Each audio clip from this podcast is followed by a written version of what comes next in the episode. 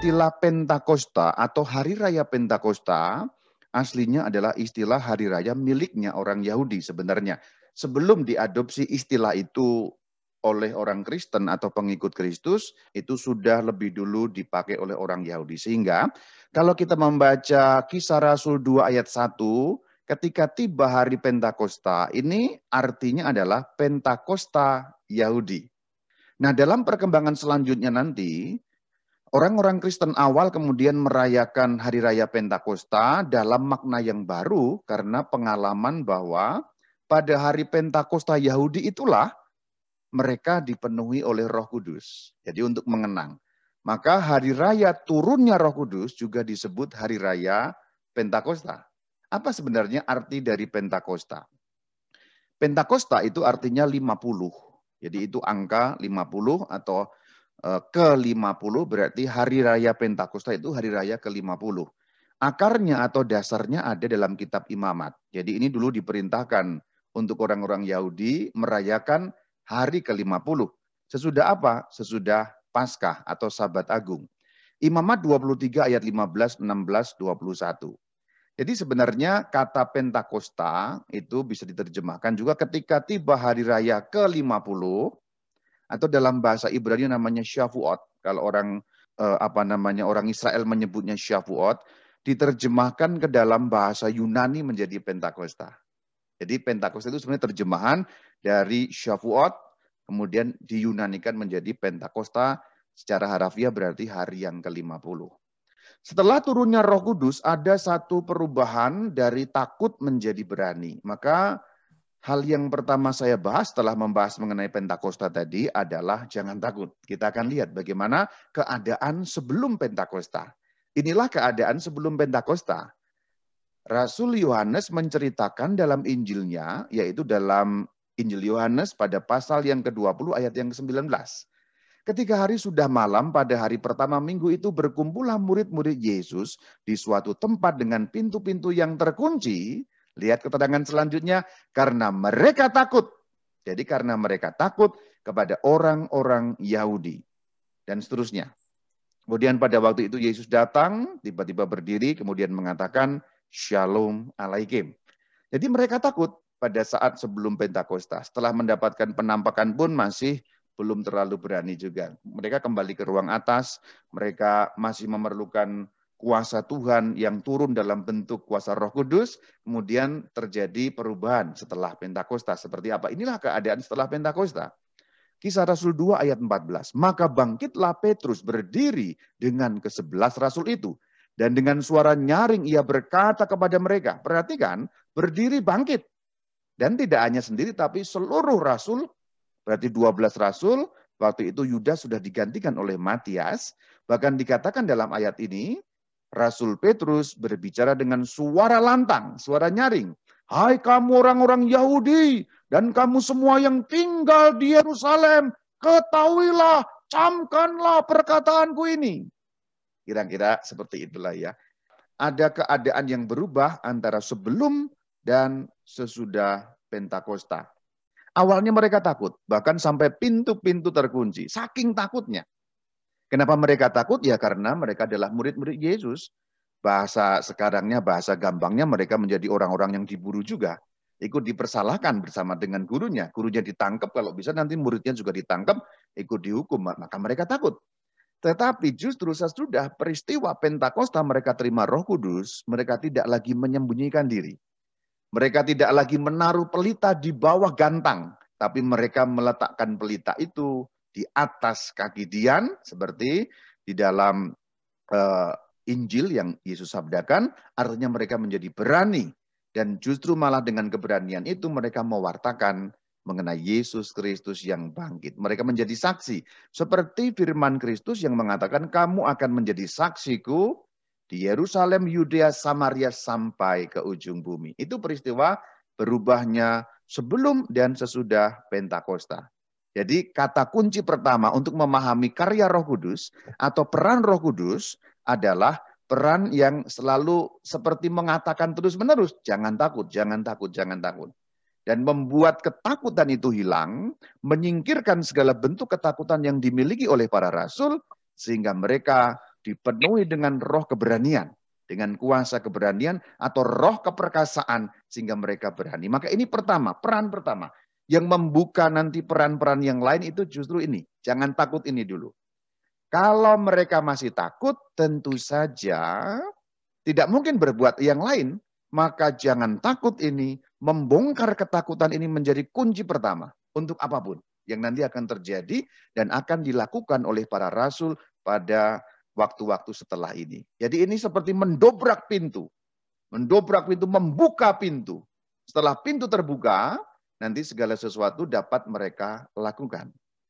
Dan ternyata saudara-saudari, perintah mengenai jangan takut, supaya kita tidak boleh takut, supaya mereka berubah dari suasana takut menjadi berani dengan roh keperkasaan itu, itu menggemakan atau digemakan terus-menerus di dalam Alkitab kita.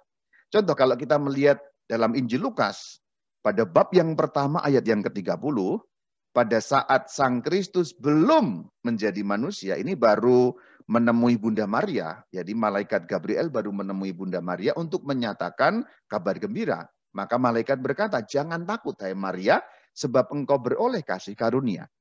Jadi pada saat sebelum inkarnasi, sebelum Sang Kristus menjadi manusia, seruan yang disampaikan oleh Tuhan melalui malaikat tentu saja adalah jangan takut.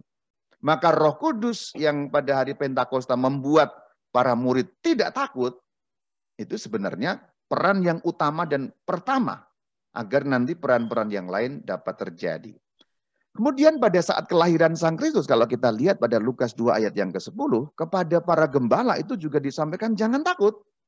Sebab sesungguhnya aku memberitakan kepadamu kesukaan besar untuk seluruh bangsa. Ini masih berlanjut. Kalau kita melihat bagaimana panggilan pertama para rasul, kita lihat dalam Injil Lukas pada pasal yang kelima ayat yang ke-10, Demikian juga Yakubus dan Yohanes, anak-anak Zebedius menjadi teman Simon. Kata Yesus kepada Simon, Simon Petrus maksudnya, jangan takut. Mulai dari sekarang engkau akan menjala manusia. Jadi setiap boleh dikatakan babak-babak baru dalam kehidupan iman yang penting, dikatakan jangan takut. Firman Allah yang mau menjadi manusia, Maria dikatakan jangan takut. Ketika firman Allah yang menjadi manusia dilahirkan, suatu anugerah besar bagi umat manusia, jangan takut. Ketika memilih rasul, jangan takut. Memanggil mereka menjadi pengikut dan nanti utusan, jangan takut.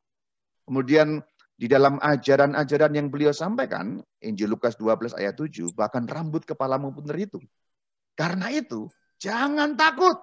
Karena kamu lebih berharga daripada banyak burung bibit. Jadi diulang-diulang. Artinya diulang dalam arti terus-menerus dalam berbagai babak kehidupan, terutama poin-poin iman yang penting. Kita lihat juga pada saat kebangkitan. Pada saat kebangkitan kita lihat Matius 28 ayat yang ke-10. Maka kata Yesus kepada mereka, ini para wanita yang pada waktu subuh mereka datang ke makam itu, jangan takut. Jangan takut, maka pergi kasih tahu saudara-saudara dalam arti para rasul. Lalu supaya mereka ke Galilea nanti di sana akan ketemu dengan aku. Jadi lihat bagaimana babak-babak penting kehidupan iman diwarnai dengan peristiwa terbongkarnya ketakutan. Kita lihat juga di dalam kisah para rasul sendiri, nanti bagaimana Rasul Paulus juga diberi perintah oleh Tuhan. Kisah Rasul 18 ayat 9. Pada suatu malam berfirmanlah Tuhan kepada Paulus dalam suatu penglihatan. Jangan takut, teruslah memberitakan firman dan jangan diam. Kita lihat juga bagaimana ketika Rasul Paulus pada akhir-akhir kitab kisah para rasul, nanti sudah mulai ditangkap ya di penjara, kemudian dia naik banding kepada kaisar, ini diceritakan dalam kisah Rasul 27 ayat 24. Jangan takut Paulus. Engkau harus menghadap kaisar dan sesungguhnya karunia Allah dan seterusnya. Ini ketika Paulus harus menuju kota Roma, nanti akan mengalami persidangan dengan kaisar, dan akhirnya menjadi martir dengan dipenggal kepalanya jatuh tiga kali, itu cerita mengenai Paulus. Jadi lihat bagaimana ketakutan harus hilang supaya hal-hal yang lain bisa terjadi. Maka saudara-saudari, dalam kehidupan kita yang nyatakan begitu. Kalau kita takut mau memulai sesuatu yang baru, eh, bukan hanya soal iman, tapi soal-soal kehidupan kita sehari-hari, soal kita mau berusaha, mau memutuskan sesuatu, mau menggapai cita-cita kita, mau ada karir yang dirintis, mau mencoba hal yang baru dan lain sebagainya, Ketakutan harus pergi dulu supaya hal-hal yang lain dapat terjadi. Itulah yang terjadi saudara-saudari. Tuhan tahu ketakutan membuat kita sulit melangkah, ketakutan membuat kita dibayang-bayangi oleh sesuatu yang mungkin saja sebenarnya palsu dan khayalan saja. Dalam kehidupan kita ini kan memang kita banyak takut sebenarnya. Kita ini kayak gagah berani, kayak hebat, hebat, hebat, tapi ya banyak takut juga. Pada saat saya mau memutuskan mau masuk seminari ya takut-takut juga. Takut juga sama. Setelah menempuh pendidikan seminari takut juga nanti lulus apa enggak dan seterusnya. Pada bagian-bagian akhir ketika harus memutuskan nanti ditahbiskan atau tidak, aduh ditahbiskan apa enggak ya? Takut juga sama. Nanti jangan-jangan, nanti jangan-jangan. Membongkar ketakutan itu enggak mudah, saudara-saudari. Apalagi di kalangan para rasul itu. Bagaimana mereka sudah sangat ketakutan. Perhatikan bagaimana pada saat malam Yesus ditangkap, baginda kita ditangkap, para rasulnya kabur semuanya. Mereka ketakutan setengah mati. Petrus hanya berhadapan bertemu dengan wanita, dia ketakutan setengah mati. Ya dikatakan kamu kan juga bukan, bukan sampai tiga kali itu. Ketakutan luar biasa. Karena ya mereka menjadi orang-orang yang subversif pada waktu itu katakanlah seperti itu. Maka itu peran pertama. Dan ini sangat tegas disampaikan kepada kita dalam surat pertama Yohanes pada pasal yang keempat ayat yang ke-18. Di dalam kasih tidak ada ketakutan. Jadi ketika kita mengasihi Tuhan dengan sungguh-sungguh, maka tidak ada ketakutan. Kalau seorang ibu takut terhadap sesuatu, dia harus melindungi bayinya, dia tidak akan menjadi takut lagi demi kasihnya terhadap bayinya. Ambil contoh misalnya suatu peristiwa kebakaran, katakanlah begitu. Kemudian bayi itu di dalam rumah mamanya di luar kebakaran. Mama akan menerobos api yang dia takuti itu karena ada kasih di dalamnya. Sehingga di dalam kasih tidak ada ketakutan. Karena kasih kepada si bayi, ketakutan hilang. Maka dikatakan kasih yang sempurna melenyapkan ketakutan. Sebab ketakutan mengandung hukuman. Dan barang siapa takut, ia tidak sempurna di dalam kasih. Bagaimana supaya tidak takut? Mohon kekuatan supaya roh keperkasaan mendampingi kita, saudara-saudari. Dan itu juga yang dimohon oleh para rasul, sesuai dengan perintah Sang Kristus, mereka berdoa novena itu. Maka ketika ketakutan hilang, Rasul Petrus berhumili dengan luar biasa, ceritanya berakhir bagus sekali di babak ini, pada bab yang kedua ayat 38. Bertobatlah, hendaklah kamu memberi dirimu dibaptis dalam nama Yesus Kristus untuk menerima pengampunan dosamu kamu akan menerima karunia Roh Kudus. Kemudian dikatakan pada ayat 41, mereka dibaptis. Berapa jumlahnya? 3000. Inilah hebatnya Rasul Petrus. Berhumili satu kali 3000 orang menjadi pengikut Kristus. Kalau pastor yang berhumili 2000 orang ngantuk semuanya. Itu yang pertama mengenai peran Roh Kudus yang menghilangkan ketakutan, menjebol pintu itu sehingga dapat kemudian berkarya menjadi saksi Kristus. Yang kedua, karunia berbahasa. Kita lihat pada kisah Rasul 2 ayat 4. Maka penuhlah mereka dengan roh kudus, lalu mereka mulai berkata-kata dalam bahasa-bahasa lain. Seperti yang diberikan oleh roh itu kepada mereka untuk mengatakannya. Jadi rupanya pada waktu itu, roh kudus memberikan karunia berbahasa, sehingga setiap rasul itu bisa berkata-kata dalam bahasa lain bukan hanya bahasa Aram yang waktu itu mereka kuasai dan juga mereka ucapkan setiap hari atau bahasa Yunani yang sedikit-sedikit mereka juga ketahui atau Latin yang sedikit-sedikit juga mereka ketahui. Kemudian dikatakan berkerumunlah orang banyak itu ayat 6. Mereka bingung karena mereka masing-masing dikatakan masing-masing mendengar rasul-rasul itu berkata-kata dalam bahasa mereka sendiri. Jadi rupanya mereka mendengar para rasul bicara dalam bahasa mereka sendiri. Bahasa apa? Itu disampaikan pada ayat yang ke-9.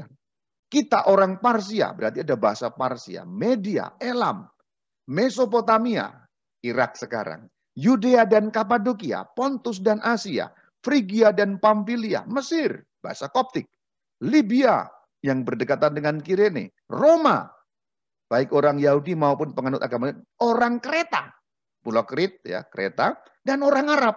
Jadi rupanya pada saat hari Pentakosta, para rasul berbicara dalam berbagai bahasa yang disebutkan di dalam ayat 9, 10, dan 11 ini. Termasuk bahasa Arab berarti.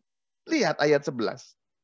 Di dalam ayat 11 kita kita lihat bahwa ada orang Arab.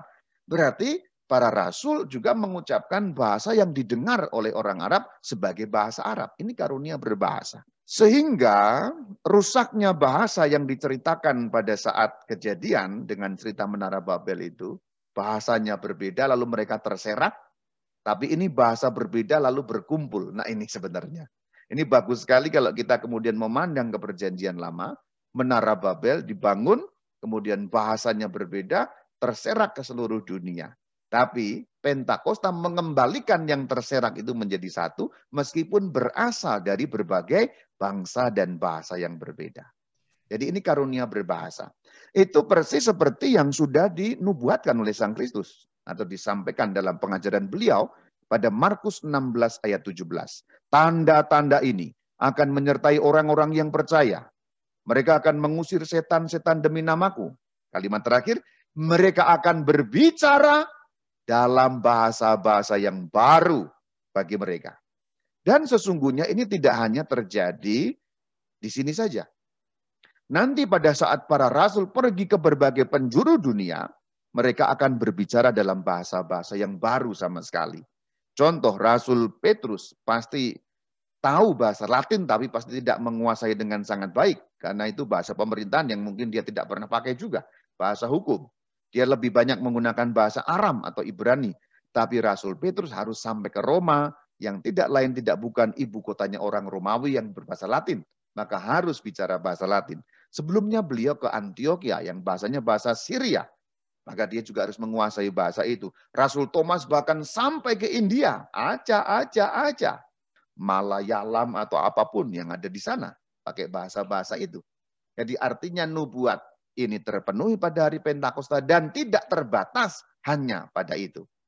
Kita lihat juga bagaimana karunia berbahasa itu juga tidak hanya soal bahasanya sendiri, bahasa asing, bukan hanya itu, tetapi kemampuan berbahasa. Kemampuan kalau bahasa sekarang berpidato, berorasi. Perhatikan kalau kita melihat cerita dalam kisah Rasul 2 ayat 14, ini hanya saya kutip bagian awal, itu khotbahnya panjang lebar Rasul Petrus.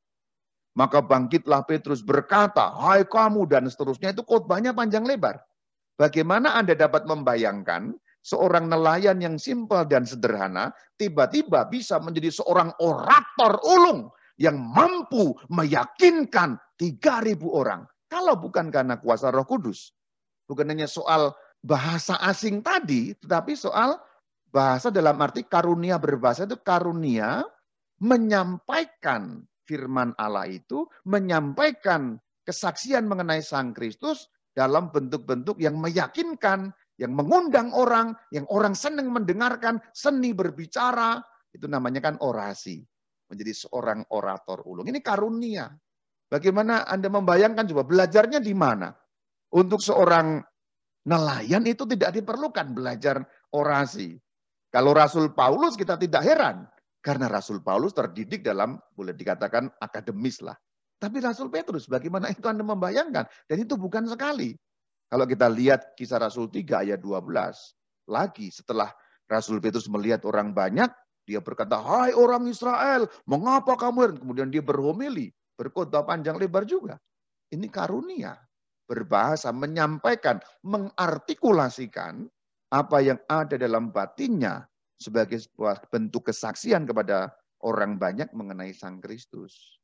Untuk kita relevansinya apa? Ini kan sebenarnya bisa kita tarik relevansi yang sangat simpel begini. Ini orang mengerti dalam bahasanya. Berarti harus sesuai dengan konteks setempat. Berarti harus sesuai dengan keadaan setempat yang dikenal oleh mereka. Ini bukan berarti soal kemampuan berbahasa asing saja, tidak. Tapi bagaimana kita mampu menyesuaikan diri omongan dengan orang pegunungan, ya pasti dengan pegunungan, perkotaan, perkotaan, dengan situasi anak muda, anak muda, situasi lain-lain lagi. Nah ini sebenarnya rasul-rasul berbicara dalam bahasa mereka sendiri berarti cocok, bisa nyambung, bisa dimengerti. Nah sebenarnya untuk kita kan konteksnya dalam pewartaan kita menjadi saksi Kristus, kita juga perlu bisa dimengerti oleh siapa yang kita ajak bicara. Itu kan sebenarnya penerapan yang paling simpel kan itu. Kita lihat juga bagaimana Rasul Petrus menjawab dengan penuh keyakinan karena penuh dengan Roh Kudus. Perhatikan kisah Rasul 4 ayat yang ke-8. Ini konteksnya apa? Konteksnya ada di ayat 7. Pada waktu itu Rasul Petrus dan Yohanes itu disidang oleh Mahkamah Agama. Perhatikan bagaimana mereka dicecar pada ayat yang ketujuh. Dikatakan, mereka dicecar dengan pertanyaan, dengan kuasa manakah? Wah gitu kan, dengan kuasa manakah? Sambil tangannya begini kayaknya ya. Dengan kuasa manakah? Lalu kemudian dikatakan ayat 8, jawab Petrus, penuh dengan roh kudus. Nanti di bagian-bagian selanjutnya, Rasul Petrus menjawab kita harus taat pada Allah daripada taat pada manusia. Orang seperti itu hanya kalau penuh dengan roh kudus maka bisa seperti itu. Dan seberani itu. Santo Stefanus, proto martir, martir pertama juga sama. Perkataannya panjang sebelum dilempari batu itu dia masih berkata-kata membuat kesaksian. Hai saudara-saudara, dengarkanlah dan seterusnya. Mewartakan Kristus sebelum dilempari batu. Itu mengenai karunia berbahasa. Selanjutnya karunia hikmat. Ini bagian yang penting karena pada saat mereka dihadapkan pada mahkamah agama di sidang, pendek kata pada bagian-bagian awal kan para rasul itu tidak mudah saudara-saudari. Maka roh kudus memperlengkapi mereka dengan karunia hikmat. Anda coba bayangkan bagaimana Petrus seorang nelayan, Yohanes juga seorang nelayan harus menghadapi mahkamah agama yang isinya orang-orang hebat, profesor doktor dalam bidang agama Yahudi pada waktu itu. Boleh dikatakan seperti itu kalau kita pakai bahasa sekarang berhadapan dengan orang-orang yang il ilmunya tinggi sekali. Bagaimana bisa mereka memberi jawaban? Bagaimana mereka bisa berargumentasi? Kan tidak mungkin. Dalam bahasa sehari-hari, dalam bahasa yang normal mereka nggak mungkin bisa seperti itu. Tetapi ternyata mereka bisa. Kenapa? Karena karunia hikmat yang diberikan oleh Tuhan melalui roh kudusnya. Kita lihat Lukas 21 ayat 12 dan seterusnya. Kamu akan diserahkan ke rumah-rumah ibadah dan penjara-penjara. Dan kamu akan dihadapkan kepada raja-raja dan penguasa-penguasa oleh karena namaku. Kesempatan bagimu untuk bersaksi. Lalu ayat 14. Kamu jangan memikirkan pembelaanmu. Ayat 15. Sebab aku sendiri, Tuhan Yesus, Allah, akan memberikan kepadamu kata-kata hikmat sehingga kamu tidak dapat ditentang atau dibantah lawan-lawanmu. Jadi selain karunia bahasa itu karunia hikmat juga. Maka betul tidak bisa ditentang. Sampai-sampai mahkamah agama tadi harus melepaskan mereka karena mereka sulit menjerat dengan kata-kata. Kita lihat bagaimana hikmat itu. Kalau kita lihat pada bagian masih soal mahkamah agama tadi, pada kisah Rasul 4 ayat 19, Petrus dan Yohanes menjawab, Silahkan kamu putuskan sendiri manakah yang benar di hadapan Allah. Taat kepada kamu atau taat kepada Allah. Sebab tidak mungkin bagi kami untuk tidak berkata-kata tentang apa yang telah kami lihat dan telah kami dengar. Tentang Yesus Kristus maksudnya. Coba perhatikan. Sampai bagian terakhir mereka berargumen dengan orang-orang di mahkamah agama itu dan dilepaskan akhirnya. Soal hikmat ini juga tidak hanya soal berargumen ya, tapi soal memutuskan perkara, mencari solusi. Itu terjadi pada saat harus diangkat atau dipilih diakon-diakon pertama, yang namanya tujuh diakon pertama. Nikanor, Prokorus, Timon, Filipus, Parmenas, Stefanus, dan Nikolaus itu. Ini gambarnya ya. Kita lihat bagaimana latar belakangnya. Pada saat itu ada kekacauan, boleh dikatakan begitu. Sehingga orang-orang Yahudi berbahasa Yunani merasa tidak adil pembagian pelayanan e, kasih kepada mereka. Jadi dikatakan pada kisah Rasul 6 ayat 1 ya. Timbullah sungut-sungut. Kenapa? Pembagian kepada janda-janda mereka diabaikan. Janda pada saat itu miskin ya kalau pada zaman kuno. Kalau sekarang ada juga janda kaya. Kalau zaman kuno selalu miskin karena janda tergantung pada orang lain. Sehingga dikatakan mereka bersungut-sungut, yang ngomel lah, terabaikan pelayanannya. Maka kemudian rasul-rasul mengumpulkan murid untuk berkumpul. Lalu dikatakan, karena itu saudara-saudara, pilihlah tujuh orang di antara kamu terkenal baik yang penuh roh dan hikmat. Kami akan mengangkat mereka untuk tugas itu. Sebenarnya pengangkatan diakon ini murni kebijaksanaan atau hikmat para rasul sendiri. Yesus, baginda kita tidak menyuruh mengangkat diakon. Tapi ini murni para rasul yang berinisiatif karena naungan roh hikmat Tuhan Karena situasi yang membutuhkan solusi tertentu pada saat itu. Ini diakon-diakon pertama. Pada zaman Tuhan Yesus tidak ada diakon tentu saja. Yang ada hanya rasul tentu saja seperti itu. Tapi mereka bisa menemukan solusi yang tepat atas persoalan itu. Kemudian dikatakan dipilih tujuh orang yang itu sudah saya katakan. Stefanus itu yang disebut pertama pada ayat yang kelima, Filipus dan seterusnya dan seterusnya kita bisa melihat itu. Ayat yang keenam kemudian mereka ditahbiskan. Jadi ini sebenarnya hanya mungkin kalau para rasul memiliki roh hikmat karunia hikmat dari roh kudus. Sehingga ketika ada persoalan, mereka bisa dengan tepat, kemudian tidak ada yang dirugikan, dan sungguh-sungguh persis pada pokok persoalannya mereka menemukan solusi untuk itu. Ini roh hikmat. Dan ini bagian yang sangat penting untuk hidup kita. Kita ini jarang sekali memohon roh hikmat rupanya. Umumnya orang hanya memohon langsung pada ujung dan tujuannya. Tapi orang jarang meminta roh hikmat kepada Tuhan kita supaya diterangi, supaya dibersihkan pikirannya sehingga clear ketika memikirkan sesuatu, memutuskan sesuatu. Kan orang hanya umumnya berdoa ya, maafkan kalau saya salah, tapi yang sering-sering saya dengar hanya begitu. Tuhan mohon supaya saya dapat pekerjaan itu, Kenapa tidak mohon? Tuhan beri saya hikmat, apakah pekerjaan itu cocok untuk saya atau tidak? Kenapa begitu? Karena yang kita inginkan belum tentu merupakan satu keputusan yang terbaik untuk kita. Yang kita inginkan belum tentu pilihan terbaik untuk kita kan. Kita ini kan ingin berbagai macam sesuatu. Kita ini ingin, ingin, ingin, ingin saja. Tapi apa yang terbaik, solusi yang paling tepat belum tentu. Maka di situlah sebenarnya dalam kehidupan sehari-hari roh hikmat itu penting sekali. Dan saya menganjurkan Anda setiap hari memohon roh hikmat. Untuk memutuskan perkara, untuk menimbang perkara. Apalagi terutama kalau perkara-perkara besar. Jadi mintalah hikmatnya, jangan minta ujungnya gitu loh. Tuhan buatlah supaya saya bisa, dia bisa menjadi pacar saya gitu. Kenapa enggak minta? Tuhan saya minta apakah dia cocok untuk hidup saya sebagai pendamping saya? Beri saya hikmat. Alternatif lain untuk kita berdoa, saudara-saudari. Kenapa? Karena dalam kehidupan sehari-hari kita tidak selalu Tuhan memberikan petunjuk yang jelas. Contohnya tadi ini, dalam Alkitab sekalipun ada contohnya.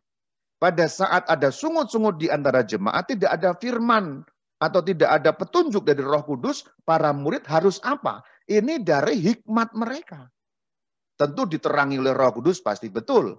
Tapi ini bagaimana kebijaksanaan para rasul memecahkan perkara ini. Dalam kisah para rasul, kadang Roh Kudus bekerja dengan kuat, eksplisit, kamu ke sana, kamu ke sini. Kadang-kadang tidak. Dan seperti itulah dalam hidup kita.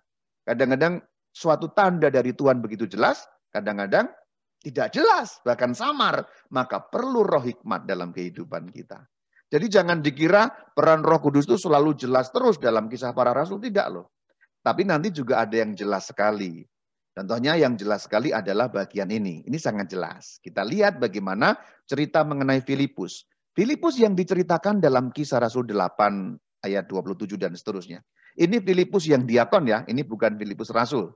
Tapi Filipus yang tadinya diceritakan dalam bab 6 ayat 5 tadi itu. Salah seorang dari diakon yang terpilih. Kemudian sekarang diceritakan dalam kisah Rasul 8 ayat 27. Berangkatlah Filipus. Ada seorang Ethiopia, seorang sida-sida, pegawai, pembesar dan kepala perbendaraan Sri Kandake, Ratu Negeri Ethiopia.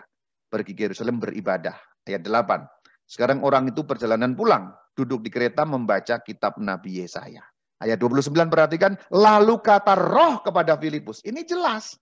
Tapi di dalam cerita yang awal tadi bab 6 tidak jelas, tidak ada. Lalu roh berkata kepada para rasul tidak ada. Tapi murni hikmat mereka. Hikmat yang dimohonkan berpikir menemukan solusi. Tapi di bagian lain memang jelas. Di sini jelas pada ayat 29 bab yang ke-8. Roh berkata kepada Filipus, pergi ke situ dekati kereta itu. Soalnya jelas. Lalu Filipus ke sana. Lalu terjadi dialog. Tuhan ngerti nggak yang Tuhan baca? Kagak bro, katanya. Kalau baca sekarang gitu. Kagak ngerti bro, bagaimana mungkin aku mengerti? Kalau tidak ada yang membimbing aku, katanya. Lalu kemudian Filipus diminta untuk duduk di sampingnya, lalu menjelaskan. Nah ini, kuasa roh hikmat, karunia roh hikmat itu penting sekali karena kadang jelas, kadang enggak. Dan dalam kehidupan kita, kita hampir selalu harus membuat keputusan, bukan? Harus selalu membuat pilihan bukan? Itulah pentingnya roh hikmat. Roh, roh hikmat itu kan menimbang perkara, memutuskan perkara. Apa yang lebih kita perlukan dalam hidup sehari-hari selain roh hikmat? Kalau kita ketakutan, itu tidak selalu. Tapi memutuskan perkara selalu kan. Bahkan dari yang kecil-kecil ya. Tidak selalu yang besar memang, tapi memutuskan itu selalu. Maka roh hikmat penting sekali.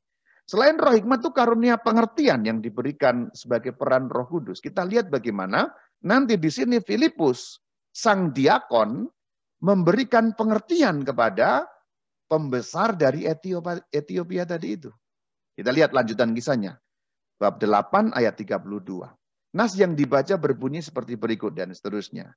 Lalu kata Sida-Sida kepada Filipus, aku bertanya, katanya, tentang siapa Nabi berkata demikian. Kemudian Filipus mulai berbicara, dikatakan pada ayat 35, bertolak dari Nas itu, ia memberitakan Injil Yesus kepadanya. Kepadanya maksudnya kepada pegawai istana tadi itu. Lalu melanjutkan perjalanan, lalu dikatakan, di situ ada air, kata sida-sida, kata pegawai istana itu. Apa halangannya jika aku dibaptis? Berarti ketika sida-sida mengatakan, aku pengen dibaptis. Dia sudah mengerti mengenai Injil Yesus yang diwartakan oleh Filipus pada saat itu. Jadi roh pengertian dan Filipus menjelaskan sehingga dimengerti oleh sida-sida itu.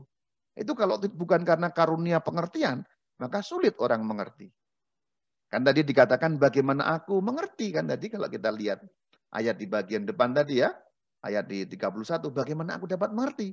Nah di sini kesimpulan pengen dibaptis berarti sida-sida sudah mengerti dibuka oleh kuasa roh pengertian melalui Filipus yang memberi pengertian kepadanya. Lalu kejadiannya apa? Ayat 38 Filipus membaptis pegawai istana itu. Nah, selain roh hikmat, kuasa hikmat, kemudian pengertian, bagian ini kita juga akan lihat bagaimana roh pengertian itu tidak hanya untuk orang lain, tapi untuk rasul sendiri. Tadi itu kan untuk sida-sida mengerti dia ya. Tapi di sini sebenarnya cerita mengenai Rasul Petrus. Ini gambar siapa sih sebenarnya? Bagian kiri itu Rasul Petrus, bagian kanan itu Cornelius. Goyim Goyim berarti paganus, paganus berarti orang kafir, orang Roma, karena dia itu orang Romawi, berarti nyembah dewa-dewi, yang akhirnya nanti menjadi orang Goyim pertama, orang kafir pertama yang menjadi Kristen. Waktu itu namanya belum Kristen ya, namanya jalan Tuhan. Pas bagian awal ya. Tapi di sini ada pengertian yang terbuka, bukan pada pihak Cornelius, tapi pertama-tama pada pihak Rasul Petrus. Jadi roh pengertian tadi karunia pengertian tadi tidak hanya bekerja orang luar, tapi rasul sendiri, kita sendiri. Itu juga kita alami sekarang, saudara-saudari. Dalam banyak hal kita tidak selalu langsung mengerti mengenai ajaran-ajaran iman Katolik, bagaimana ajaran gereja mengenai ini dan itu. Kita perlu belajar mendengarkan, terutama dari sumber-sumber yang valid, katkit misalnya. bisa katkir dengan sumber yang valid sehingga kita makin mengerti Katolik itu seperti apa, ajaran firman Tuhan itu seperti apa. Itu yang dimaksudkan juga karunia pengertian untuk kita. Tidak hanya untuk yang di luar. Cerita tentang Filipus tadi untuk orang di luar. Tapi saya sekarang akan ceritakan bagaimana orang di dalam. Rasul Petrus, bahkan tidak hanya rasul biasa, pemimpin para rasul juga dididik Tuhan. Masih membutuhkan pendidikan Sampai nanti sampai bagian terakhir dia sampai bisa mengatakan sekarang aku mengerti. Nanti ada ayatnya. Sekarang saya akan perlihatkan.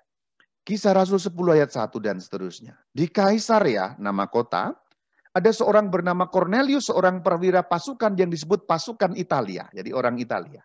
Dalam satu penglihatan kira-kira jam 3 petang, tampak jelas kepadanya seorang malaikat Allah masuk ke rumahnya. Berarti Cornelius ditampaki oleh malaikat. Kemudian jawab malaikat itu, suruhlah beberapa orang ke Yope untuk menjemput seorang yang bernama Simon yang disebut Petrus. Ini kota lain berarti. Ayat yang ketujuh. Setelah malaikat yang berbicara kepadanya itu meninggalkan dia, dipanggilnya dua orang hambanya beserta seorang prajurit yang saleh. Nah, langsung melaksanakan. Ia menyuruh mereka ke Yope dengan tujuan menjemput Petrus. Ayat 9. Kota Yope. Jadi ini di kota Yope sekarang. Kira-kira pukul 12 tengah hari, naiklah Petrus ke atas rumah untuk berdoa. Jadi berdoa siang. Kalau sekarang bahasa latinnya itu hora media, itu doa siang, sholat siang. Itu masih ada sampai sekarang di gereja Katolik, namanya breviarium atau ofisi, sholatnya orang Katolik, itu sampai sekarang masih ada, itu dari zaman para rasul sudah ada. Ia merasa lapar dan ingin makan, tetapi sementara makanan disediakan, tiba-tiba rohnya diliputi kuasa ilahi. Tampak olehnya langit terbuka, dan turunlah suatu benda berbentuk kain lebar yang bergantung pada keempat sudutnya, yang diturunkan ke tanah. Di dalamnya terdapat pelbagai jenis binatang berkaki empat, binatang menjalar dan burung. Ini penglihatan. Kedengaranlah olehnya suatu suara yang berkata, bangunlah ya Petrus, sembelilah dan makanlah. Tetapi Petrus menjawab, tidak Tuhan, tidak, sebab aku belum pernah makan sesuatu yang haram dan tidak tahir. Berarti di antara segala binatang tadi ada jenis-jenis binatang tertentu yang dianggap haram oleh orang Yahudi. Kita harus ingat ini konteksnya.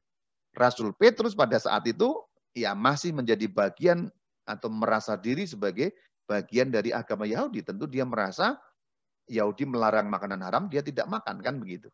Pada saat ini muncul konteksnya adalah orang-orang pengikut Kristus belum memisahkan diri secara total dengan orang-orang Yahudi. Itu konteksnya. Karena mereka semuanya Yahudi, masih merasa diri sebagai orang Yahudi. Dan memang betul-betul semuanya Yahudi. Belum ada orang non-Yahudi yang menjadi penganut ajaran Yesus Kristus. 3.000 orang yang dibaptis pada hari Pentakosta tadi, semuanya Yahudi atau sekurang-kurangnya orang bangsa lain yang beragama Yahudi. Tapi berarti mereka harus disunat dan melaksanakan hukum Musa termasuk tidak boleh makan haram. Itu konteksnya. Nah sekarang kita lihat ayat selanjutnya. Kedengaran pula untuk kedua kalinya suara berkata, apa yang dinyatakan halal oleh Allah tidak boleh engkau nyatakan haram. Terjadi tiga kali, setelah itu terangkat benda itu. Kemudian apa yang terjadi? Ayat 17 pada bab yang ke-10 ini menceritakan Petrus bertanya-tanya dalam hatinya. Dia belum langsung mengerti. Apa tadi itu? Apa maksudnya? Tiga kali diulang. Sampai dikatakan apa yang dinyatakan halal tidak boleh engkau nyatakan haram. Diangkat ke langit. Apa itu? Petrus bertanya-tanya. Berarti bagian itu dia belum mendapatkan jawaban. Apa maksud ini semua? Justru nanti jawaban mengenai itu malah dia dapatkan ketika sudah sampai ke Kaisarea ketemu dengan Cornelius. Lanjutannya, sementara itu telah sampai di muka pintu orang-orang yang disuruh oleh Cornelius dan yang berusaha mengetahui di mana rumah Petrus. Lalu turunlah Petrus ke bawah, pendek kata, kemudian Petrus mau berangkat bersama dengan mereka, meninggalkan Yope, menuju Kaisarea ketemu Cornelius. Ayat 24, pada hari berikutnya sampailah mereka di Kaisarea. Ini eh, ringkasnya. Lalu dikatakan pada ayat yang ke-28, ia, di sini ia maksudnya Petrus, berkata kepada mereka, kamu tahu betapa kerasnya larangan bagi seorang Yahudi untuk bergaul dengan orang-orang bukan Yahudi atau masuk ke rumah mereka. Jadi sebenarnya Petrus menyadari masuk ke rumah Cornelius itu enggak boleh. Karena Cornelius orang Italia makan makanan haram.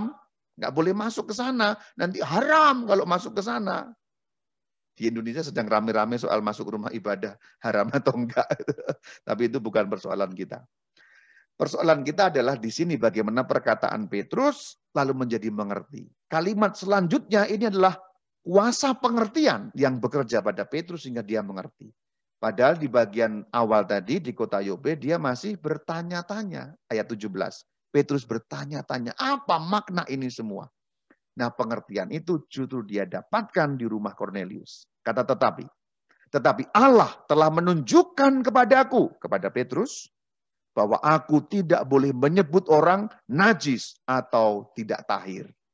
Berarti lalu dia juga langsung mengerti juga apa yang dimaksudkan dengan penampakan tadi. Yang dinyatakan halal, kenapa kamu haramkan? Kenapa kamu najiskan? Maka di sini pengertiannya Petrus muncul. Bahkan ayat 34 kalimat sangat eksplisit Petrus berbicara, sesungguhnya aku telah mengerti. Ini roh pengertian.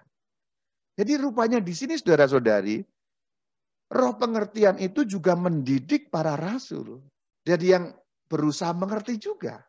Karena ajaran Sang Kristus itu sudah didengar semua, sudah semuanya disampaikan, tetapi beberapa bagian belum langsung dimengerti. Sudah pernah dengar, tapi lupa lagi. Sudah pernah dengar, tapi belum terlalu ngerti. Nah, pengertian-pengertian yang dulu sudah disampaikan itu ternyata juga berangsur-angsur tidak sekali jadi. Dan itu hanya mungkin kalau roh kudus memberi pengertian kepada para rasul.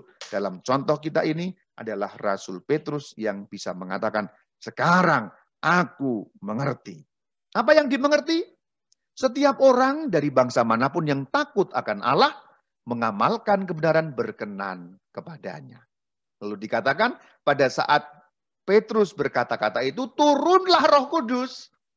Setelah Petrus ngerti, kuasa roh pengertian bekerja padanya, roh kudus turun dan membaptis semua orang itu. Maka sampai dikatakan, golongan bersunat tercengang-cengang. Kenapa kok tercengang-cengang? Karunia Roh Kudus dicurahkan ke atas bangsa-bangsa lain juga. Cornelius itu bangsa lain, non-Yahudi. Dan itu membuat mereka tercengang-cengang. Tapi kata kuncinya tercengang-cengangnya telah mengerti.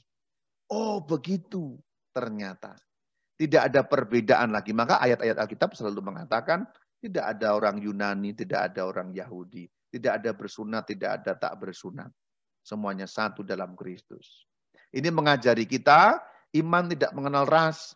Maka untuk kita konteks kita sekarang ini memang menyimpang dari persoalan roh pengertian, tetapi persoalan ini dapat kita kontekskan zaman kita sekarang. Berpikir rasis, bertindak rasis, eh, rasial itu enggak sesuai dengan iman Katolik sesungguhnya. Nah itu, itu, itu yang dapat kita kontekskan untuk zaman sekarang. Petrus itu awalnya nggak mau ketemu dengan orang Romawi itu Cornelius. Keras larangannya.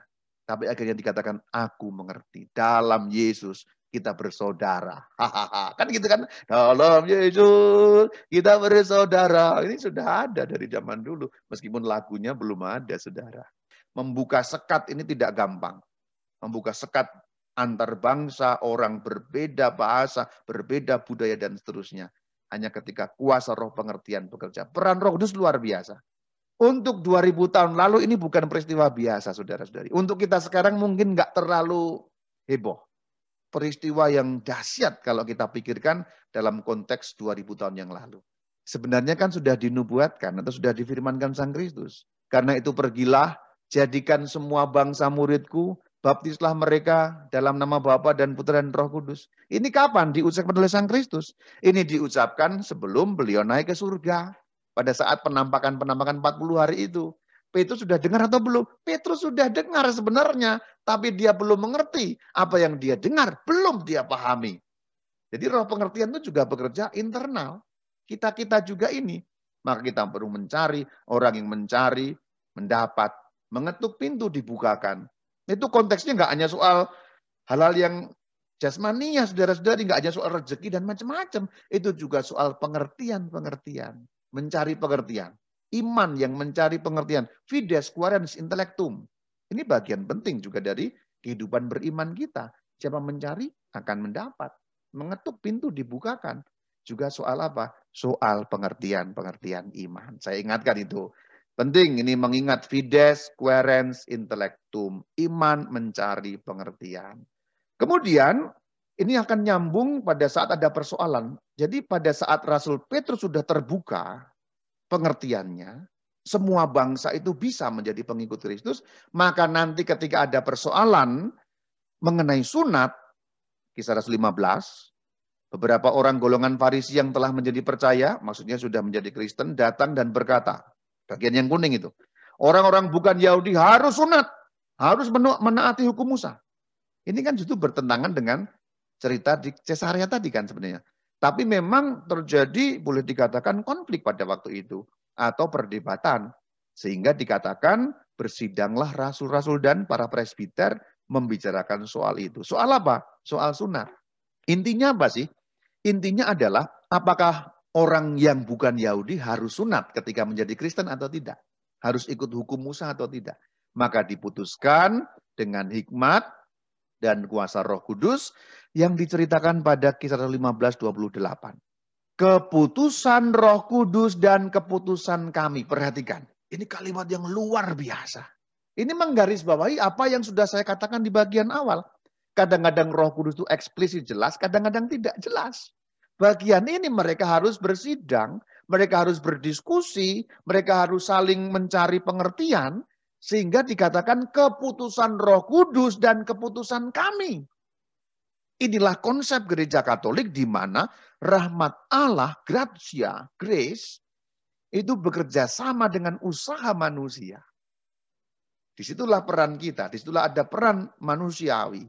Peran Allah itu kuasa roh kudus, peran kita, usaha kita. Jadi ini tulisan dalam kisah Rasul 1528 ini bukan main-main keputusan roh kudus dan keputusan kami. Supaya kepada kamu jangan ditanggungkan banyak beban. Artinya tidak usah sunat, tidak usah mengikuti aturan-aturan hukum Torah. Peran Roh Kudus juga memberikan peran mukjizat kepada para rasul. Contohnya dalam kisah Rasul 3 ayat 6, Petrus dalam nama Yesus, orang Nazaret itu berjalanlah. Orangnya berjalan.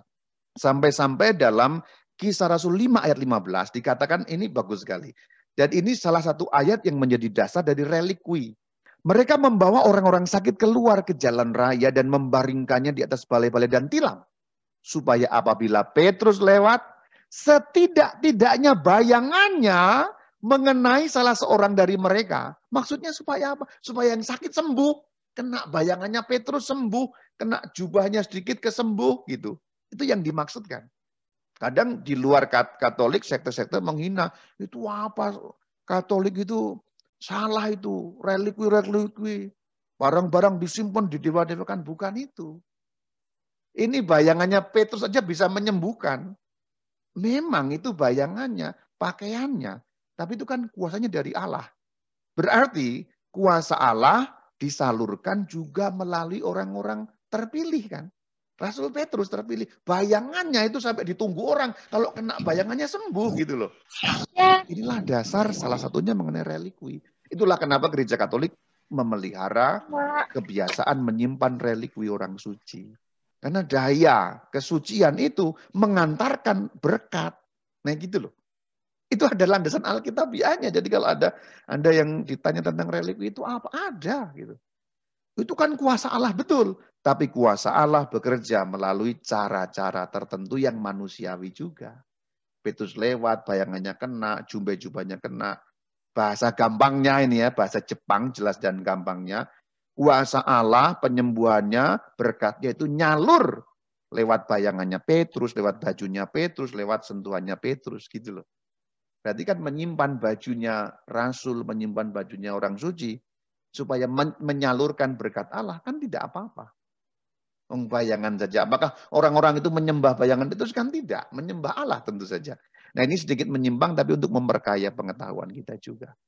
Nanti juga Paulus membuat mujizat. Dalam kisah Rasul 14 ayat 10, kata Paulus dengan suara nyaring, berdirilah tegak. Siapa itu? Seorang yang lumpuh sejak lahir pada ayat yang 8. Dilihat karena ia beriman dan dapat disembuhkan. Karena memang selalu baginda Yesus mengatakan, sembuhlah imanmu menyelamatkan. Maka dalam ayat 9 dikatakan Paulus menatap orang lumpuh itu dan lihat ia beriman. Kalau beriman dapat disembuhkan. Itulah beberapa mukjizat. Yang bagian terakhir ini menjelang Rasul Petrus sampai ke kota Roma pada saat itu terdampar di Pulau Malta. Jadi naik kapal kan pada saat itu terdampar di Pulau eh, Malta. Sehingga membakar kayu untuk menghangatkan badan. Itu yang diceritakan dalam bab yang 28 ayat 3. Ketika Paulus memungut seberkas ranting-ranting dan meletakkannya di atas api, keluarlah seekor ular beludak karena panasnya api itu lalu menggigit tangannya. Digigit ular beludak loh. Ular beludak itu ular yang sangat berbisa, kira-kira hanya lima menit butuh waktu untuk mati. Tetapi Paulus mengibaskan ular itu dalam api. Dan ia sama sekali tidak menderita sesuatu. Orang-orang di sana mengira, bentar lagi mati nih orang, bentar lagi mati nih orang. Kira-kira begitu ya, bentar lagi mati nih orang. Tetapi mereka setelah menunggu-nunggu mereka melihat, tidak ada apa-apa yang terjadi padanya. Sehingga mereka malah berpendapat Paulus seorang dewa. Kenapa kok berpendapat begitu? Ya orang Malta waktu itu kan nyembah dewa-dewa. Dan dalam kepercayaan Greco-Roman, dewa-dewa kadang turun. Jadi kalau orang sakti, jangan-jangan dia dewa. Itu mukjizat yang terjadi digigit ular tanpa menderita sesuatu, bahkan boleh dikatakan bengkak pun tidak. Ini beberapa peran Roh Kudus seperti saya katakan dari awal, belum semua diungkap tapi paling kurang memberi kita pemahaman-pemahaman yang juga nyambung dengan kehidupan kita sehari-hari. Semoga memberikan seperti inspirasi bagi kita. Shalom Alaikum.